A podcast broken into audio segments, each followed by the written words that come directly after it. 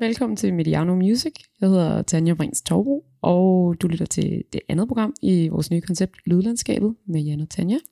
Så Jan, han er selvfølgelig også med i studiet i dag. Hej Jan. Hej Tanja. Sidst, at, øh, vi var i studiet sammen, så snakkede vi om festivalsommeren 2019. Og siden da, så har vi øh, indgået et samarbejde med DJBFA, som er Danmarks største forening for professionelle komponister og sangskrivere. Øh, og derfor så vil vi gerne sætte fokus på nogle øh, danske sangskrivere, og det gør vi i dag ved at snakke om en hel masse øh, dejlige øh, plader, udgivet af nogle øh, danske artister. Så øh, vi har begge to valgt nogle plader ud, øh, som vi gerne vil snakke om i løbet af den næste øh, times tid, eller hvad, hvor længe det nu bliver. Så øh, vil, vil du ikke lægge ud, Jan? Det vil jeg meget gerne. Og jeg vil lægge ud med at sige, at der jo, øh, det kan være lidt svært at vælge. Øh, jeg synes, der er kommet en del øh, ganske spændende danske øh, albums her i begyndelsen af året. Øh, jeg har selv haft en stor fornøjelse at øh, tale med Nils Korsen her i studiet. Det kunne have været den. DRD har udsendt et album for ikke så længe siden, øh, som er godt nok er der kun en gruppe i hele verden, der vil kunne lave det album, nemlig DRD. Det lyder meget af DRD, men jeg synes, der gemmer sig nogle sådan små overraskelser ind imellem på det album. Men jeg har jo skulle skære ned, og jeg vil gerne have lov til at begynde med Love Shop. Er det et orkester, du har noget som helst forhold til, egentlig, Tanja? Øhm, ikke sådan rigtigt et personligt forhold. Jeg kan godt huske nogle singler, og jeg har set nogle, et par numre på sådan festivaler. Ja. Men, men jeg har ikke rigtig det store øh, personlige forhold til dem.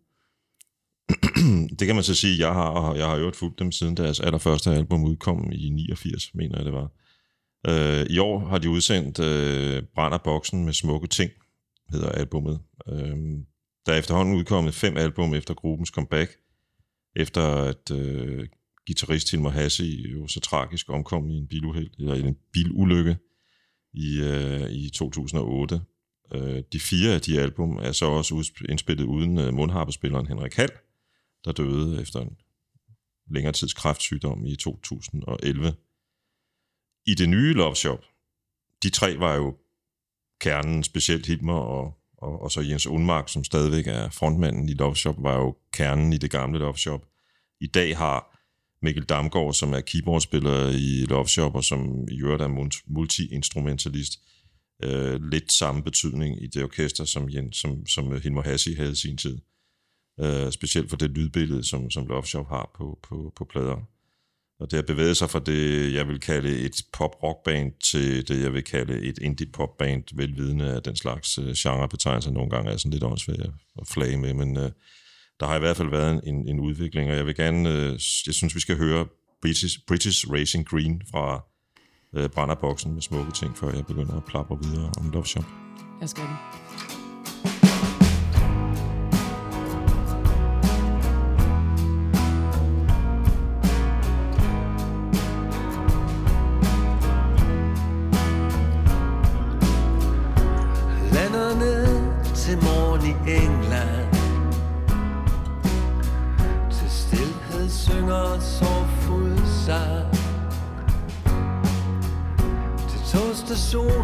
Krankes Willer.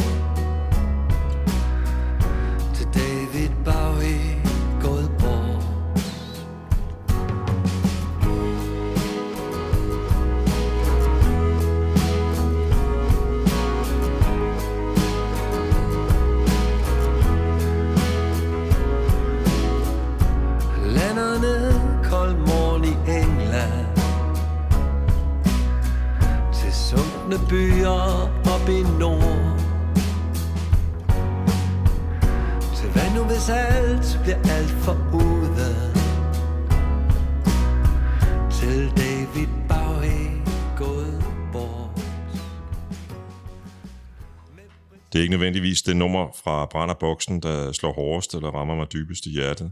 Men jeg er vild med den stemning, som øh, Love Shop også på det her nummer maler op omkring Jens Unmarks ord, teksterne.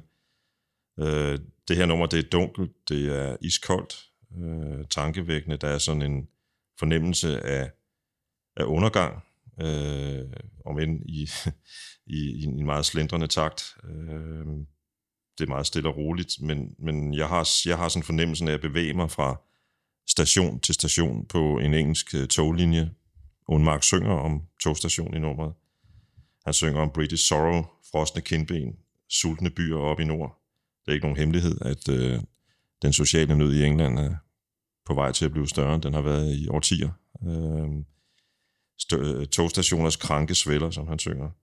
Der er en, øh, man kan sige, meget slet skjult øh, reference til David Bowie, som han jo synger om. Øh, og jeg synes, jeg hører en reference til Life on Mars i øh, keyboardspiller Mikkel Damgaards spil. Øh, I gamle dage, da jeg i sin tid blev tændt på Love Shop, der var Unmarks tekster meget sådan konkrete. De handlede om et eller andet konkret, en, en, øh, en, en stemning eller, eller, eller en, en, en historie, en episode i hans liv. Øh, de var spækket med drømme og, og stenbro-romantik. Der er ikke meget romantik tilbage i Unmarks tekstunivers i dag. Øh, det kan man så mene om, hvad man vil. Men teksterne, og det er det, jeg godt kan lide ved det her nye album, og som har for mig får, får, får det til at stå som et af de vigtigste danske album i årvis. Det er den måde, som han benytter øh, det, som man kalder inden for litteraturen kalder cut-up-teknik, øh, og som idolet David Bowie også gjorde konsekvent.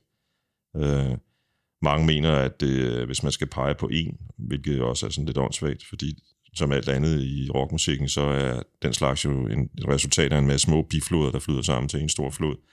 Men hvis man skal pege på en, så er det den gamle beatpoet William S. Burroughs, som også udover Bowie inspirerede Bob Dylan og en vis, til en vis grad også John Lennon, og, og senere hen øh, er, er Kurt Cobain kendt som stor fan, og også Thom Yorke fra Radiohead. Øh, Kurt og William nåede faktisk at mødes i den korte periode, der gik fra Nirvanas øh, gennembrud til, øh, til øh, Kurt tog sit eget liv. Øh, Cut-up-teknikken er det her med, at man, man, man, man tager nogle, nogle, for eksempel David Bowie gjorde, det har han sagt, at han skrev hele sætninger, og så klippede han dem op, og så samlede han dem, så de ord, han havde sat sammen i en forholdsvis logisk sætning, gav en ny mening, simpelthen.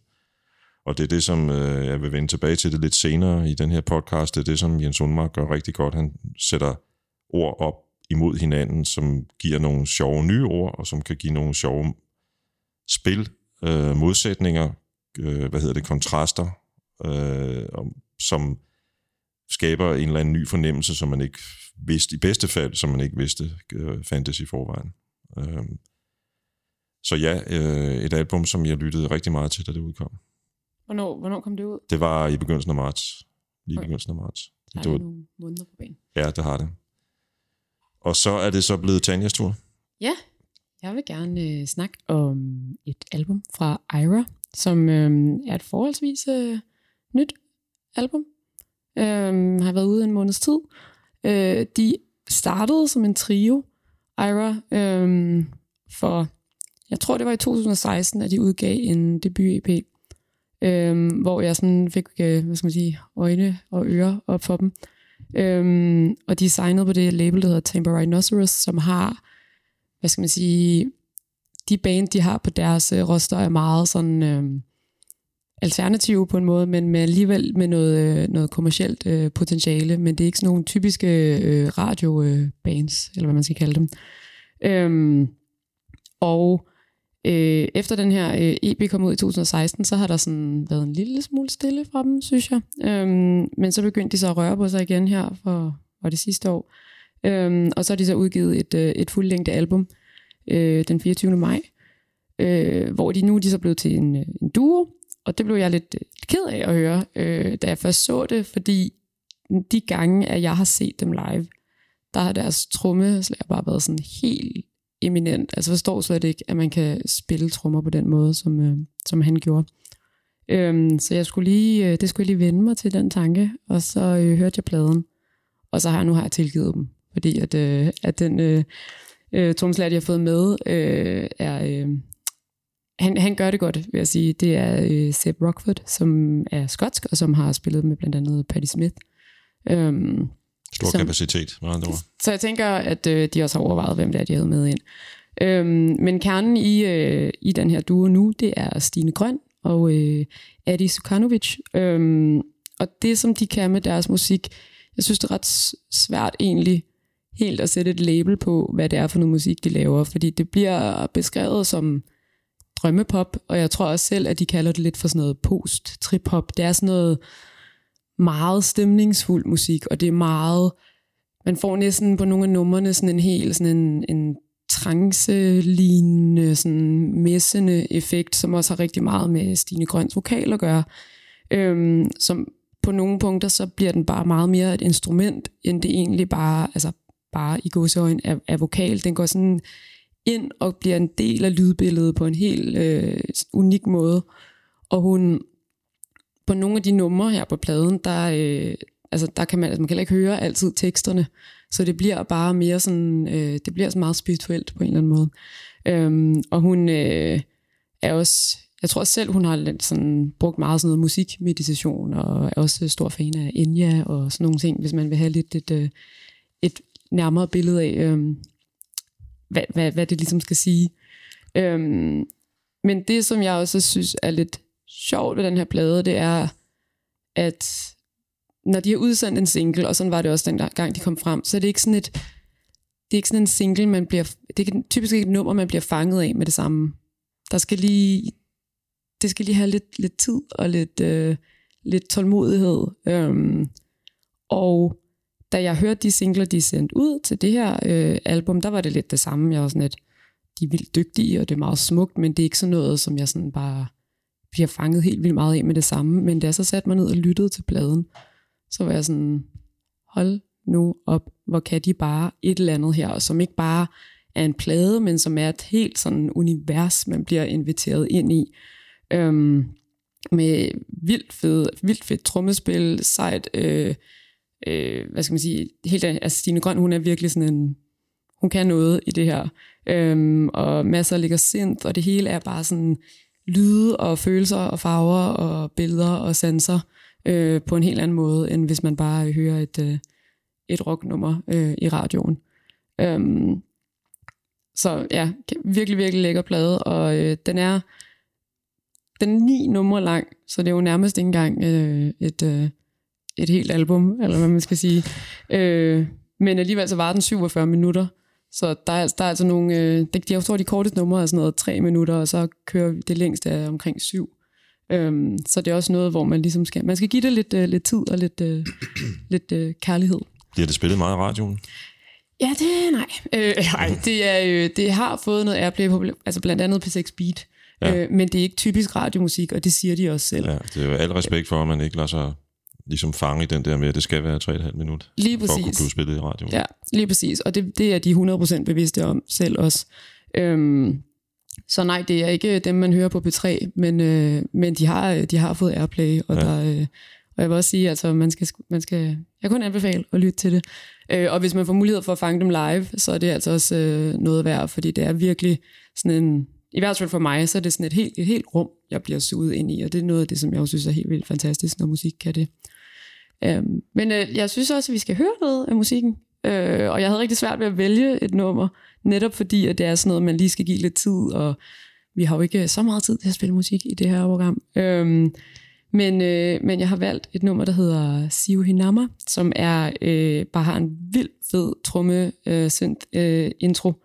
Og så er det bare et virkelig godt eksempel på den der måde, som Stine Grøn kan bruge sin vokal på, på en helt unik vis. Thank you.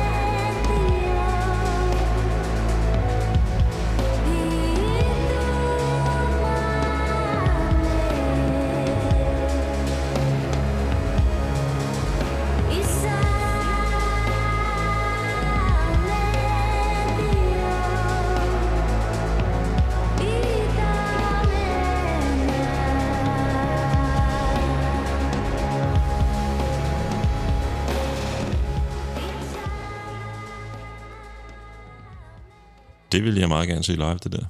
Jamen, det er sindssygt fedt. Altså, det, det, det er et stykke tid siden, jeg har set dem. Jeg så dem på Spot Festival for nogle øh, år siden i, i de der sale inde i musikhuset. Og det var bare sådan, man blev bare inviteret ind i bare sådan et rum af, af vellyd. Det var, det var, øh, de ville, det er de. Jeg kunne øh, kun anbefale det. Som vi talte om i vores første lydlandskabet, øh, ofte er det udfordrende både for en kunstner, men også for en tilhører, hvis sådan noget her ligger på en festival kl. 2 i lige så godt vejr, som vi har her lige for øjeblikket udenfor. Ja. Ikke?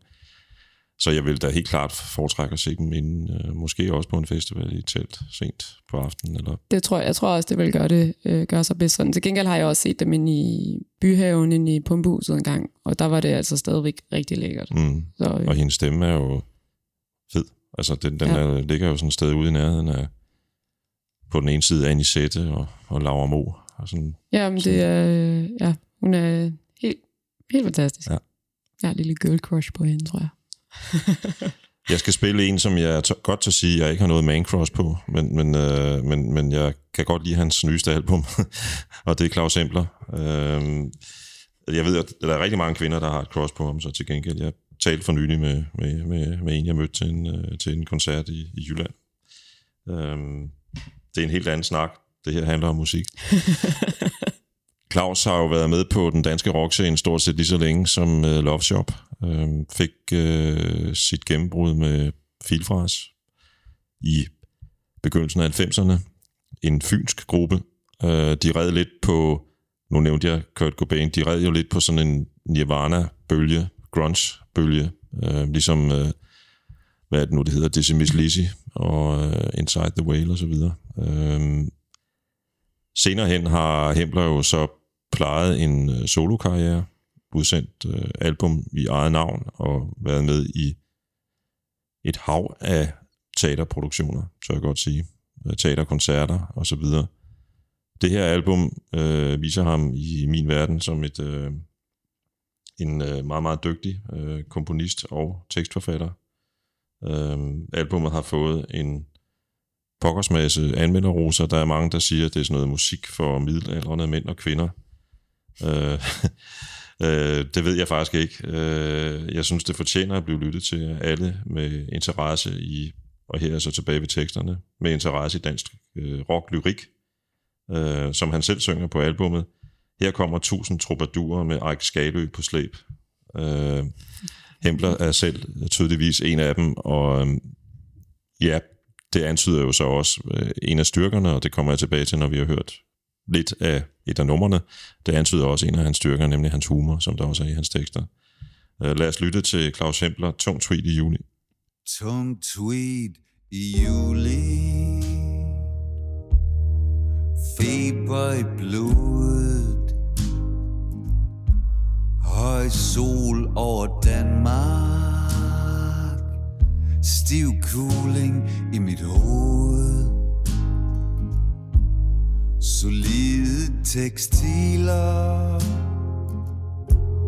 Så ingen kan se.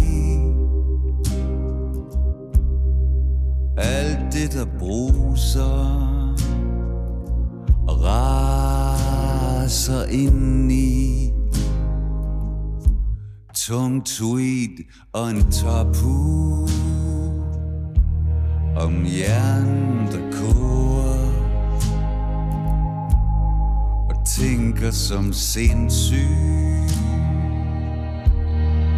Uden at blive klogere. Jeg venter og ser Hvis nærsynet kan nå.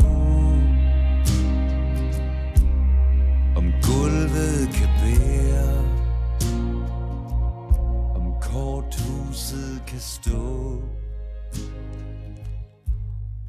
Vi sad lige og snakkede om Leonard Cohen, og øh, det er jo helt tydeligt, at Hempler på det her album, og også tidligere i sin karriere, er inspireret af Leonard Cohen. Han har den rigtige mørke crooner-vokal til at synge øh, som Cohen, og har også været med til at synge Cohen-sange i forskellige sammenhænge tidligere. Øh, men han har jo også øh, sine rødder i den danske rockhistorie, som jeg talte om inden nummeret, vi lige lyttede til. Øh, indlysende Skalø, Steppeulene, C.V. Jørgensen, og jeg synes også, jeg kan høre noget Søren Hus i hans tekster. Øhm, albummet er fyldt med sange, som på den ene eller på den anden måde handler om verden set fra øh, Claus Semplers øh, smarte øh, sorte støvler. Øh, og, og, og, og han synger jo også, øh, at han læser Karl Ove Knavsgaard. Øh, nogen vil sige, det er meget sådan jeg, jeg, jeg. Jeg synes, hans øh, sange har rækker meget længere ud end det. Øh, det synes jeg faktisk også øh, selv øh, umiddelbart, da jeg lyttede til den øh, første gang, tænkte jeg, sikkert er en forfærdelig gang navlepilleri, der kommer her. Typisk musiker. Ja, ja typisk musiker, typisk kunstnere. Øh, men, men der, for det første er der et hav af referencer, som sådan noget kan jeg altid meget godt lide i, i hans tekster. Der er også til, nu nævnte jeg den norske forfatter der, der er også Karen Bliksen, der er sågar, og så er vi tilbage ved humoren, der er sågar også et indirekte Shubidua-citat på et tidspunkt i, midt, i, midt i det her meget alvorlige tekstunivers. øh, øh, stor respekt for det. Øh, jeg opdagede efter at have lyttet til den, det skal jeg så også være ærlig at sige en del gange, du var inde på, hvordan musik kan løfte sig før, øh, efter at man, er, man har gjort sig den ulejlighed at sætte sig ned og lytte til det for alvor. Ikke? Ja, lige præcis. Og ofte så bliver sådan noget, noget, man sidder og gør samtidig med, at man laver to andre ting. Øh, støvsuger og så skriver på skrivemaskinen samtidig. Det skal man Der er nok ikke mange, der skriver på skrivemaskinen i vores dag. Udover dig, Jan. Udover mig, nej. jeg er dog nået til dem med kuglehoveder. Ej. Ja. Øhm, jeg opdagede efter et stykke tid lyrikken i sangene, som tilsammen danner et både øh, selvironisk, et rigt selvironisk og også selvudværende, og jeg synes også selvudfordrende billede af en mand, som jeg tænker er rigtig mange i hans alder, som er cirka 50, han fylder 50 i år, så vidt jeg husker, kan identificere sig med. Øh, måske især, hvis man tilhører den øh, såkaldt kreative klasse, som hver anden dansker vil efterhånden gøre. Øh, sådan cirka. Ja, cirka. med en del forhold, øh, løse knald, succeser, fiaskoer og livserfaringer i kufferten. Øhm, og jeg vil igen runde det her, den her måde, hvordan, hvorpå han skriver sine tekster, øh, som jeg var inde på med Jens Undmark. Øh, altså, jeg vil tillade mig at citere et af numrene lige frem. Jeg holder fanen højt og hipsterhuen i hånden, hamsterhjulet i gang og lå på lampeånden. Jeg sætter bare en lavt og bundlinjen i top. Øh, I seks øh, vakuum tæt pakkede komprimerede linjer maler Himmler nogle øh, fede billeder frem, synes jeg. Der er både modbilleder og kontraster, og han fortæller, tror jeg, om en mand, der egentlig ser sig selv som, øh, ja, ånden inde i øh, den der lampe, som øh, Aladdin får åbnet i, det gamle, i den gamle fortælling. Men som den, øh, det store geni, den store kunstner, han nu end er, øh, så er han altså også nødt til at tjene nogle penge øh, og holde hamsterhjulet i gang. Og, og øh, ja, sætte bare lavt og holde bundlinjen i top. Det synes jeg er en meget, meget morsom måde at fortælle om det lille kunstner-skisma på. Og igen imponerer det mig med de der ganske få ord, man, han, han, hvormed han er i stand til at gøre det. Øhm, igen, det er lidt ligesom med Unmark. Øh, musikken på øh, Kuffert, fuld af mursten, som det nye album hedder, er produceret af en producerduo, der kalder sig Maler, Maler og Bier. Det dækker over øh, en producer ved navn Christoffer Møller og en musiker ved navn Lars Skærbæk, der er guitarist og som har medvirket i et hav af musikalske sammenhæng. Blandt andet har han også produceret for Michael Falk og på det seneste Søren Hus album også. Øhm, og jeg synes, det klæder øh, Hempler sange med en rimelig tør og sådan knastfri rocklyd øh, med den her, som jeg har været inde på, den her meget mørke croon helt fremme i lydbilledet. Øh, Skærbæk er, er skam også med på sin guitar, det ville være kedeligt, hvis ikke han var, men, men, men øh, disciplineret øh, og med respekt for den der sådan hele lyd, som igen går i fodsporene af nogle gamle ting, som for eksempel Leonard Cohen.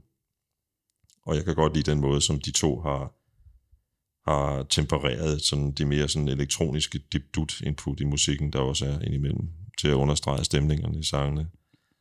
Øhm, Claus Embler glæder jeg mig til at se live på et eller andet tidspunkt. Det er ikke lykkedes mig endnu, men jeg ved jo, at han er på turné her i sommer på nogle af festivalerne og andre steder, så må ikke det lykkes på et eller andet tidspunkt. Nej, det må du lige sørge for at få til at ske så. Det må jeg sørge for at få til at ske. Øhm, og det, jeg skal sørge for at få til at ske nu, det er, at Tanja tager over. Ja, det kan du tro, jeg gør. Ja. Øh, den artist, jeg gerne vil snakke om nu, hun skal spille på rigtig mange øh, jeg ved ikke, om det nødvendigvis er festivaler, men hun skal spille rigtig mange koncerter i udlandet her til sommer. Så jeg ved faktisk ikke, om, hun, øh, om det bliver muligt at fange hende herhjemme. Men det er øh, Iris Gold, som har udgivet sit øh, debutalbum i øh, ja, for meget få dage siden, den øh, 21. juni. Um, og hun er et navn, som jeg synes er ret interessant, fordi hun, øh, altså hun er sådan indisk-jamaikanske rødder. Øh, hun er født i London, opvokset i Danmark, og så, så vidt jeg ved, så bor hun nu igen i London, øh, og sådan en lidt øh, nomade. Øhm, og jeg tror, det var tilbage i 2015, at hun øh, smed sine øh, første singler på gaden, og de fik sindssygt meget international omtale også. Øhm, og øh, så udgav hun en EP sidste år på SoundCloud, og så er hun så klar nu med det her øh, fuldlængde album. Og hun kalder det selv, øh, eller beskrivelsen af det i hvert fald, at det er øh, hippie hop. Øh, og det synes jeg er lidt sjovt, men det passer faktisk meget godt, fordi når man sidder og lytter til det, så er det, det er sådan lidt øh, pop med masser af solskin i, det er noget soul, det er noget R&B, der er nogle hip-hop referencer, og i det hele taget, så er det, øh, altså der, der er super meget power i det, men der er også meget sådan, hvad skal man sige, øh, tilbagelænede vibes og slæbende beats og noget, noget lidt kælen vokal. Øhm, og det er sådan en meget, øh, jeg ved ikke, man kan kalde det urban lyd, og ikke, ikke særlig dansk. Øhm, og fordi man kan sige, der har jo sådan været meget snak de seneste år, den her sådan, hvad skal man sige, den nordiske melankoli, som der er mange øh, både danske og skandinaviske sangskrivere, der har. Det er der ikke noget af i, øh, hos Iris Gold. Det, det vil være synd at sige. Øhm, så den her plade, jeg synes godt, man kan høre, der er, at der, der sker mange ting. Der er mange forskellige øh, øh, indflydelser, og hun har arbejdet sammen med ret mange forskellige sangskrivere og producer. Øh, og det, er lidt, det, der er lidt sjovt ved den her plade, det er, hvis man sammenligner med Ira, som jeg snakkede om lige før, hvor at det virkelig for mig handler om sådan at sætte sig ned og lytte til pladen, og få lov til, at den ligesom skal synke ind under huden på en. Og jeg får virkelig noget ud af at lytte til, til den plade som helhed, så har jeg det faktisk lidt anderledes med den her plade. Jeg synes at virkelig, at de, de enkelte numre er sindssygt fede, men jeg får faktisk ikke sådan det, det er helt stort ud af at sidde og lytte til dem i sådan i en lang, øh, bare sidde og lytte til pladen igen og igen, hvilket jeg har gjort, da jeg skulle lytte til det her. Men selvfølgelig gang, har du forberedt dig. Det har jeg jo selvfølgelig. Ja. Nu har jeg jo ikke haft så meget tid til det, men den har godt nok kørt. Øh. Men jeg tror, jeg tror bare sådan, at det er overhovedet ikke, fordi jeg synes, det er en dårlig plade. Jeg tror bare sådan, jeg sad bare, måske er det også, fordi jeg inde i mit hoved sådan sad og sammenlignede lidt det der med sådan opbygningen, ikke? og man snakker også meget om nu til dags, for at lyde sådan lidt gammel. Øhm, det der med dør albummet, og er singler bare, altså skal det have den der umiddelbare effekt? Og ja. det, kan, det kan man jo godt diskutere meget, og det er jo meget forskelligt fra artist til artist, ikke? Men hvor jeg bare, øh, at jeg, ja, lige med den her plade, der er jeg sådan, jeg synes det, jeg synes det er fedt, men, men jeg tror, jeg ville synes, det er fedt, at bare lige, altså, jeg havde det på mine playlister, eller sådan, ikke? jeg kunne sådan dele det lidt op, og så høre de enkelte numre, fordi de er alle sammen ret fede, øh, hver for sig. Altså, det er jo klart, at der er mange, i, i, i pladebranchen i dag, som, som, øh, som, som, som fokuserer meget på det med tracks.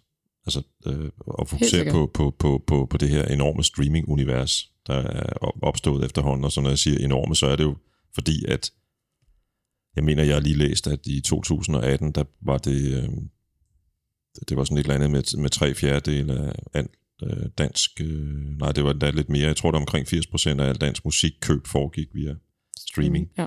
Og så kommer der så noget download, og så kommer der noget fysisk øh, CD og lidt vinyl også. Ikke? Øh, det er så de sidste 20 procent. Så, så der, der sidder jo på de der store multinationale selskaber nogle mennesker, og også på mindre selskaber, og, og fokuserer på, hvordan får vi gjort han eller hun eller dem kendte via nogle gode tracks. Ikke? Jo, jo, lige præcis. Og det handler jo netop meget om det der med, at man hurtigt bare kan blive skippet videre. Ikke? Man kan hurtigt bare, hvis man ikke synes... Der er jo ikke nogen... Man, man er jo ikke tvunget til at købe en hel plade nu. Så det gjorde man jo dengang, man gik ud og købte CD'er eller et eller andet. Ikke? Så købte man pladen, og så var man ligesom, så kunne man jo egentlig være ligeglad med, om lytteren godt kunne lide alle numrene. Ikke? Det, sådan er det jo ikke mere, kan man sige. Øhm, men, men, og det er også der, altså sådan, jeg synes virkelig, at hun er en spændende artist, Iris, og hun er, øhm, altså hun har varmet op for sådan noget Taylor Swift og Robbie Williams. Ja, det er og også vildt, ja alt muligt, uden at egentlig have udgivet en plade, at hun har hun været afsted på de her turnéer, ikke? og jeg booket, tror, der var over 20 koncerter i udlandet, hun er booket til hen over sommeren. Det synes jeg skulle ret sejt, når man øh, faktisk ikke engang har udgivet et album endnu.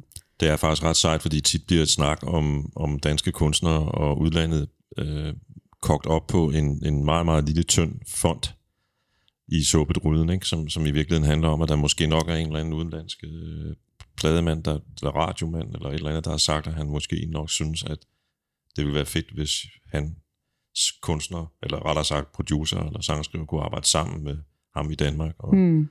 at det, det er sådan noget wishful thinking, ikke? Altså, hvor, hvor, hvor, hvor det er hun jo, så, som du siger, har så mange koncerter her i sommer, uden for landets grænser. Det tyder der på, at der er en eller anden basis for hende. Jeg tænker, hun nok skal få øh, gjort opmærksom øh, på sig selv. Men øh, nu synes jeg, vi skal høre noget af hendes musik. Det var da en fremragende idé. Ja, og det, øh, jeg har valgt, at vi skal høre lidt af det nummer, der hedder Roll It Out, som er en af de singler, hun øh, udgav op til pladen.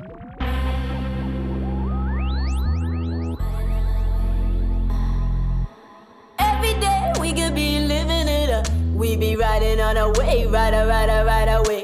I wanna let go for the lid of the pot. Gotta give it all away and then get what you got. Cause we could be magic how we light up the block.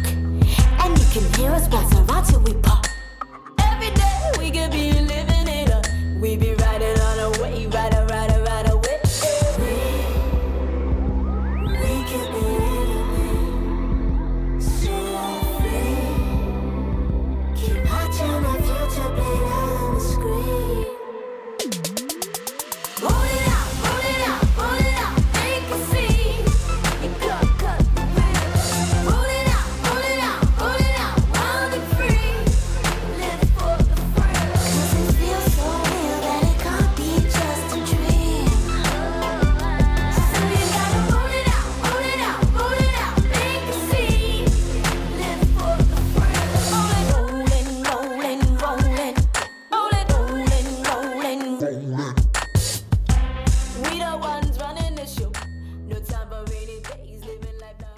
Jeg har så fået æren af at skulle øh, introducere en dansk sangskriver, som er noget yngre end de to første, jeg har talt om, nemlig Jakob Aksglæde.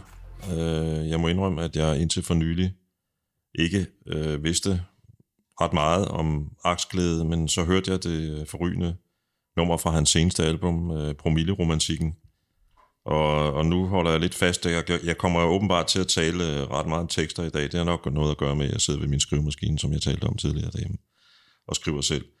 Øhm, øhm, nu vi er ved det der med cut op, sammen og sætte ord sammen, øh, som, som formentlig aldrig tidligere har mødt hinanden, eller dannet par, øh, så er promilleromantikken et fantastisk ord. Øh, jeg tror, jeg, jeg tror, jeg, jeg tror faktisk, jeg blev fanget af radioen, fordi en eller anden øh, øh, vært på, et radioprogram nævner titlen for mig, så tænker jeg, det var da et vanvittigt ord, det der.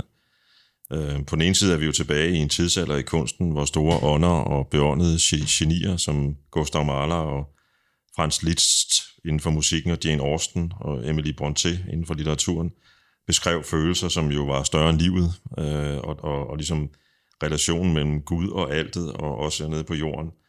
Øh, det er den ene halvdel af ordet. På den anden side er vi jo til stede ved en studenterfest, hvor en eller anden fyr fortæller en pige, at han øh, elsker hende. øh, var der nok mange af i øjeblikket. dem er der en del af lige for øjeblikket. og promilleromantikken, øh, ja, nummeret er så også øh, en, en, en sjov lille funky ting. Øh, øh, Aksglæde øh, er primært Jakob. Øh, han, hans øh, bror øh, har også været inde over. Der er også en guitarist. Øh, og de- har haft radiohits som øh, Hvorfor kom du overhovedet? Fantomfølelser og et nummer, der hedder Lille Torbæk Tøs. Det er fandme også et dejligt nummer. Ja, det er nemlig et, øh, et, et fedt nummer. Og det er lidt sjovt, ikke? fordi jeg kom til at tænke, det er nemlig ret funky. Mm. Øh, og jeg kom til at tænke på, jeg skal oplyse lytteren om, at øh, Tanja ved tanken om lille Torbæk Tøs begynder at sidde og svinge lidt her i lokalet. øh, og, og, og jeg kom faktisk til at tænke på, fordi Jakob, nu nævnte jeg C.V. Jørgensen tidligere, og Jakob har jo sagt, at hans øh, sangskrivning har rødder øh, i lige del Michael Jackson og C.V. Jørgensen. Øh, og tit, når man snakker CV, så tænker man tekster, og man tænker den, sådan, den seneste del af den karriere, han nåede at få, for jeg tror ikke, der kommer flere album fra ham. Ridderligt. Men, men i virkeligheden, øh, øh, i sådan den sidste del af 70'erne, i det første C.V. Jørgensen-band, eller det var Mark 2, hvis det skal være helt rigtigt, der var man meget inspireret af en kunstner, som jeg også kan forstå, inspirerer aksglæde, nemlig Fleetwood Mac, eller ikke en kunstner, det var en gruppe selvfølgelig, er en gruppe. De har så lige smidt deres guitarist ud, men det er stadigvæk en gruppe. øh, og, og hvad hedder det, West Coast Rocken i almindelighed i USA. Og der er faktisk i øh, et nummer som Lille Torbæk Tøs, er der en stemning, som der ofte var i nogle af de der gamle C.V. Jørgensen sange. Øh, det er formentlig ikke tilsigtet. Øh, men jeg kan også godt høre, hvad han mener, når han snakker om inspiration på det tekstmæssige plan fra den gamle. Øh, og inden jeg taler om videre om det, så kunne jeg egentlig godt tænke mig at høre et nummer, der er sådan lidt atypisk for aksglæder, nemlig Søerne, øh, fordi det er helt akustisk. Øh, og så går vi videre derfra, når vi har hørt det.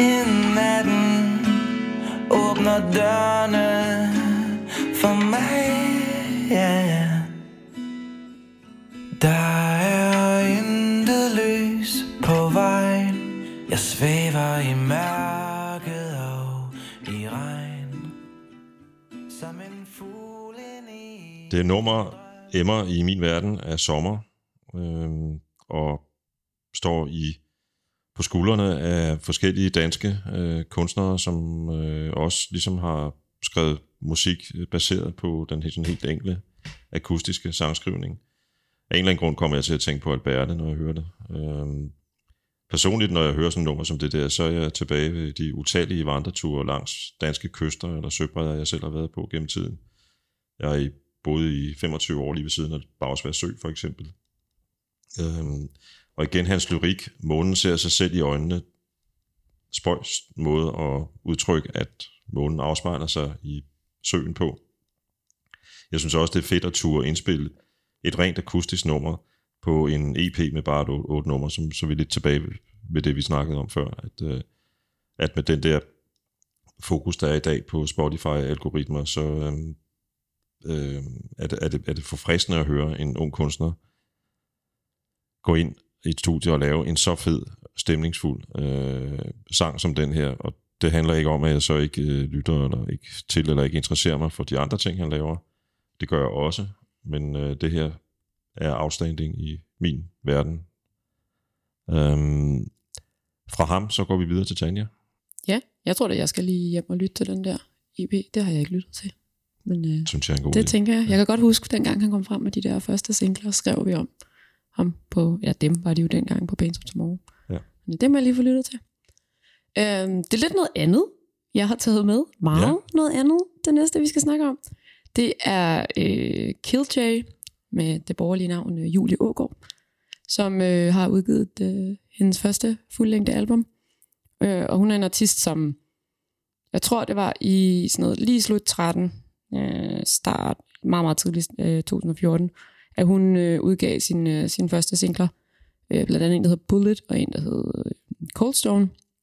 Og så udgav hun en EP et par år efter det.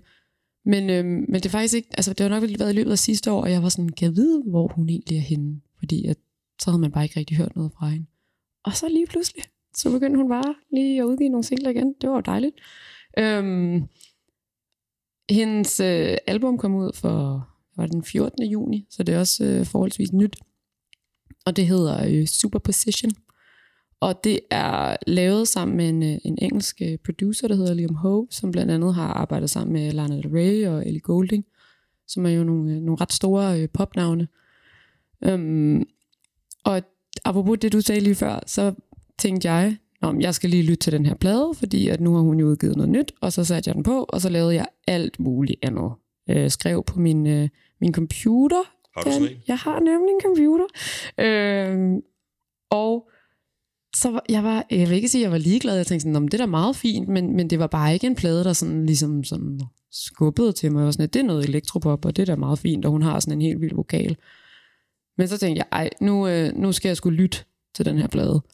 Og så var det bare en helt anden oplevelse, jeg fik, fordi jeg netop sådan, jeg gav den noget opmærksomhed, og ligesom, det er jo sådan ret eksperimenterende univers, hun har, øhm, som er, jeg husker de første singler som sådan noget lidt mere, øhm, sådan noget øh, Linkobarn-agtig dansabel pop på en måde. Ikke helt så upbeat, men stadigvæk sådan lidt mere, nu skal du op og i gang og danse. Hvor det er blevet lidt mere sådan dystert, og, øhm, og sådan, den, der er nogle tunge beats, så det er sådan lidt, lidt sådan, hvad skal man sige, maskinelt og lidt, lidt koldt på nogle af, på nogle af numrene. Øhm, og det synes jeg egentlig passer sindssygt godt, fordi hun har jo den her sådan helt sindssyge vokal. Altså det er jo nærmest sådan, at hun kommer op nogle gange, hvor man tænker, det er lige før det kun er hunden, der kan høre hende. Ikke? Altså det er jo virkelig sådan, og hun rammer det bare så rent. Og det er jo, lidt, det er jo en helt anden måde, end for eksempel Stine Grøn, som vi hørte øh, med Ira. Men det der med, at en gang imellem, så bliver hun også bare sådan en, en effekt i det, og det synes jeg er sindssygt fedt. Øhm, og så har hun så også, selvom der er de her sådan lidt mere kolde og dystre numre, så er der alligevel øh, en sådan senere, i hvert fald sådan på den, der er 15 numre på den her plade, så den er sådan forholdsvis lang.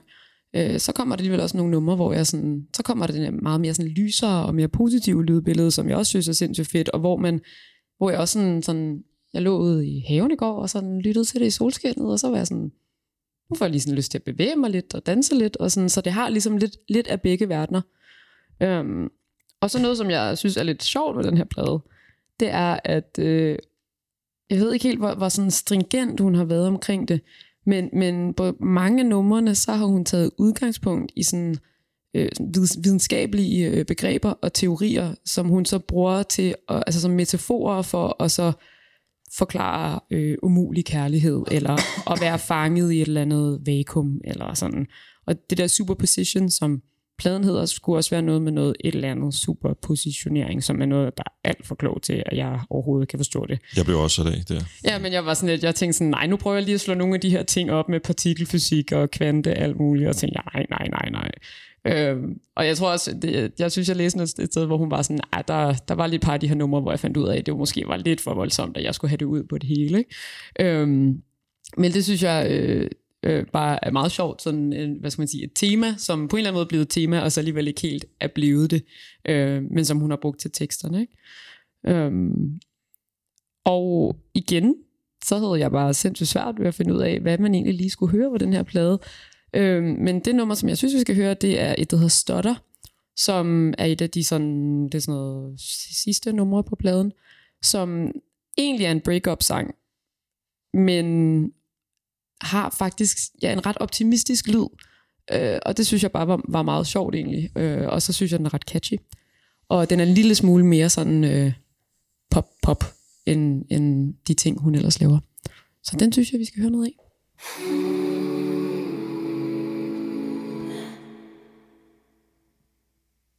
Even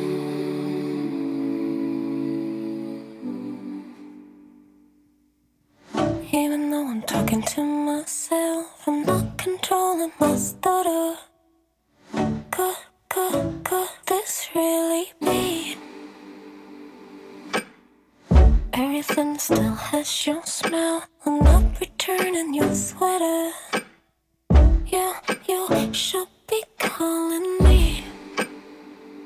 I know that it's over.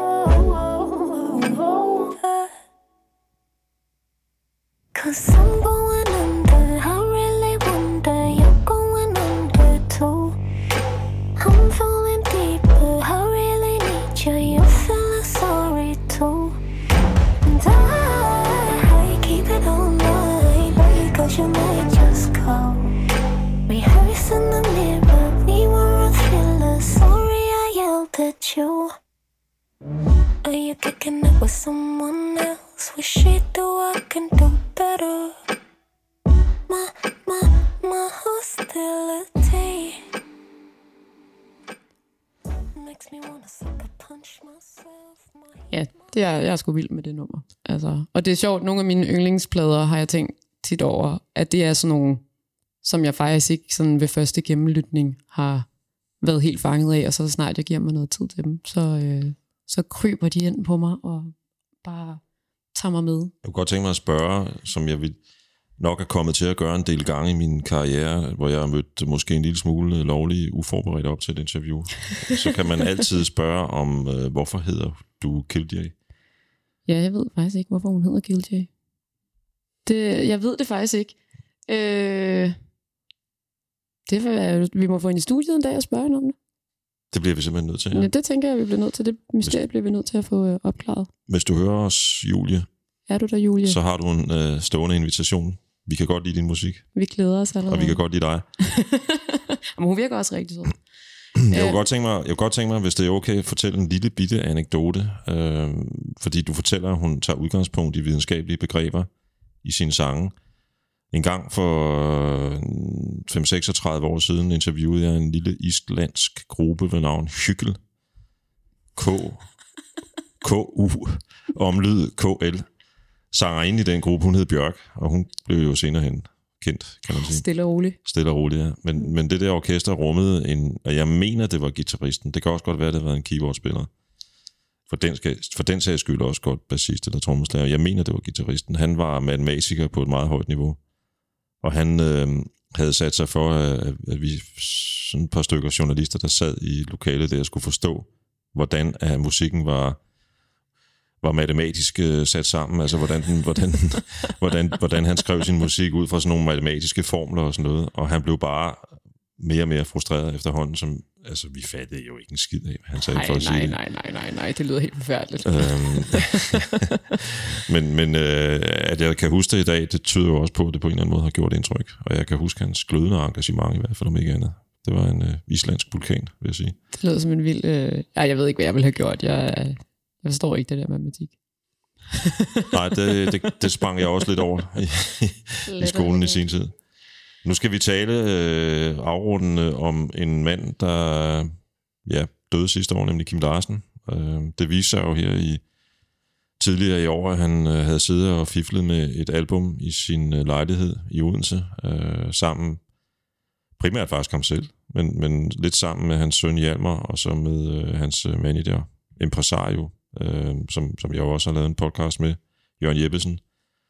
Øh, albummet kom til at hedde Sange fra første sal, som øh, ja, lejligheden lå på første sal, og på coveret af Larsen og Hjalmar og Jørgen fotograferet på altanen øh, ved øh, lejligheden.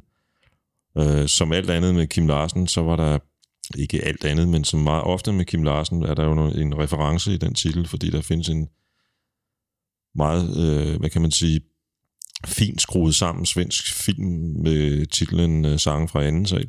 Øh, Sånger från andra våningen. Og det er et, øh, et af de mere vellykkede øh, eksempler på sådan en film med mange fors- sådan parallelle historieforløb. I virkeligheden, så vidt jeg husker, de mennesker, der bor i opgangen. Altså en slags huset på Christianshavn. Mm. Bare ikke som komedie. Øhm, Kim Larsens øh, sidste album er øh, råt produceret.